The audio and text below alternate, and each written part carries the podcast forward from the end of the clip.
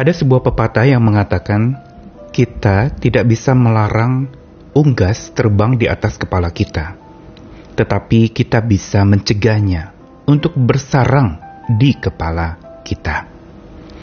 Pepatah itu adalah sebuah pepatah yang mau mengingatkan kepada setiap kita agar kita tidak membiarkan diri dikuasai oleh sesuatu yang buruk. Seperti unggas yang terbang, kita tidak bisa larang, tetapi saat dia mulai bersarang dan mempengaruhi kepala kita, otak kita, maka itu akan merusak hidup kita. Begitu pula rasa khawatir.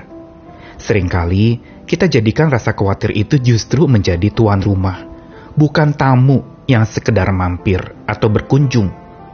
Karenanya kita perlu berani tegas kepada perasaan-perasaan yang menindas pikiran kita, sehingga kita lalu dihancurkan oleh perasaan tersebut. Ini salah satu pendisiplinan terhadap otak dan akal budi kita, supaya detoksifikasi otak kita dan pikiran kita itu bisa terjadi dengan baik, yaitu kita berani melarang. Mampir boleh, tapi parkir jangan. Saya Nikolas Kurniawan menemani lagi dalam Sabda Tuhan hari ini dari ayat yang pertama Matius 6 ayat 27, siapakah di antara kamu yang karena kekhawatirannya dapat menambahkan sehasta saja pada jalan hidupnya? Lalu Filipi 4 ayat 6 sampai 7, janganlah hendaknya kamu khawatir tentang apa pun juga, tapi nyatakanlah dalam segala hal keinginanmu kepada Allah dalam doa dan permohonan dengan ucapan syukur. Damai sejahtera Allah yang melampaui segala akal akan memelihara hati dan pikiranmu dalam Kristus Yesus. Seringkali kita memandang kekhawatiran itu adalah berkaitan dengan masalah-masalah eksternal yang menyerang hidup kita.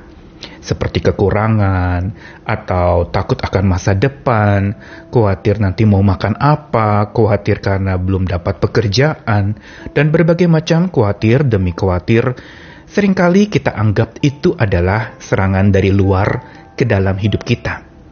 Tetapi yang sebenarnya terjadi dan harusnya kita pahami adalah bahwa rasa khawatir itu sekalipun lewat peristiwa-peristiwa yang buruk menyerang, harusnya memang tidak menjajah, mendominasi, dan menindas pikiran kita. Menarik sekali dalam ayat-ayat sabda Tuhan yang dibacakan mengenai kekhawatiran tadi di Matius 6 misalnya yang panjang lebar menyinggung sama salah hal kekhawatiran itu sebenarnya bermula dari pikiran. Bukan masalah kekurangannya sesungguhnya, tapi ketika pikiran yang terus-menerus memikirkan kekurangan, memikirkan akan masa depan dan cemas akan hari esok, justru itulah sebenarnya masalahnya, yaitu pikiran kita. Karena itu, di dalam Filipi juga seperti yang Paulus katakan kepada jemaat itu, yaitu jangan hendaknya kamu khawatir tentang apa pun juga. Tapi nyatakanlah dalam segala hal keinginanmu kepada Allah dalam doa permohonan dengan ucapan syukur. Perhatikan bagaimana Filipi pasal 4 ini menyinggung tentang satu hal yang penting yaitu pikiran.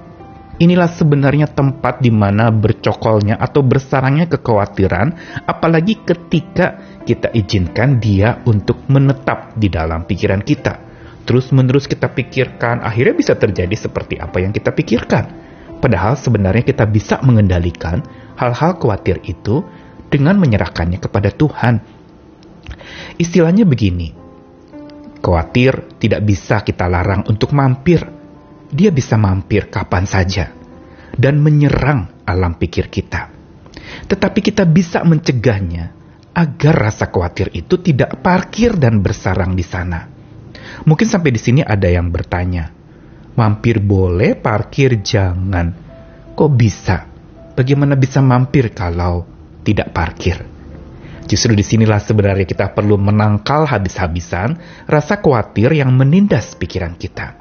Mungkin sekali dua kali kita bisa merasa khawatir, itu wajar. Itu bisa menyerang kapan saja dan lewat cara apa saja, apalagi saat otak dan pikiran kita sedang menjadi lemah, atau sedang tidak berdaya, atau sedang lelah, sedang lengah, dan juga tidak mampu untuk mencerna. pada saat itulah maka kita sebenarnya mengizinkan rasa khawatir itu parkir, bahkan bersarang di dalam hidup kita, bermula dari pikiran kita. Karenanya mari kita belajar dari firman Tuhan hari ini yang mengajarkan untuk jangan hendaknya kamu khawatir tentang apa pun juga.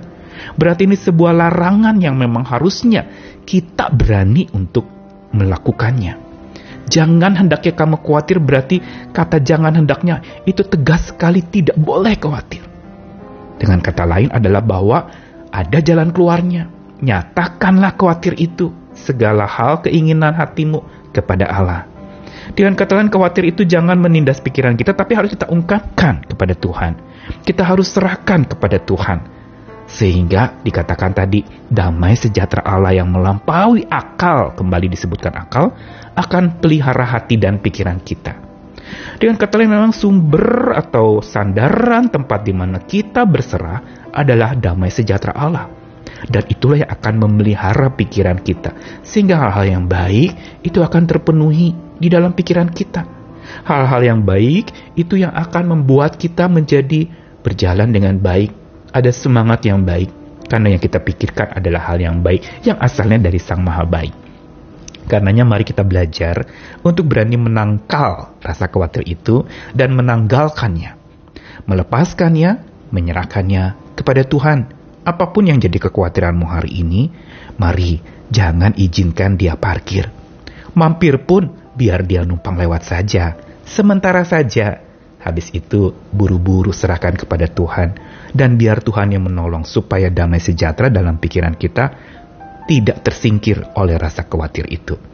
Mari ingat terus, Tuhan selalu hadir bersama dengan kita, jangan takut melangkah, dan jangan khawatir lagi, karena Sang Maha Hadir selalu membuat kita akan mengalami kasih Tuhan yang tidak pernah berakhir, dan yang akan membuat segala khawatir dan ketakutan kita berakhir.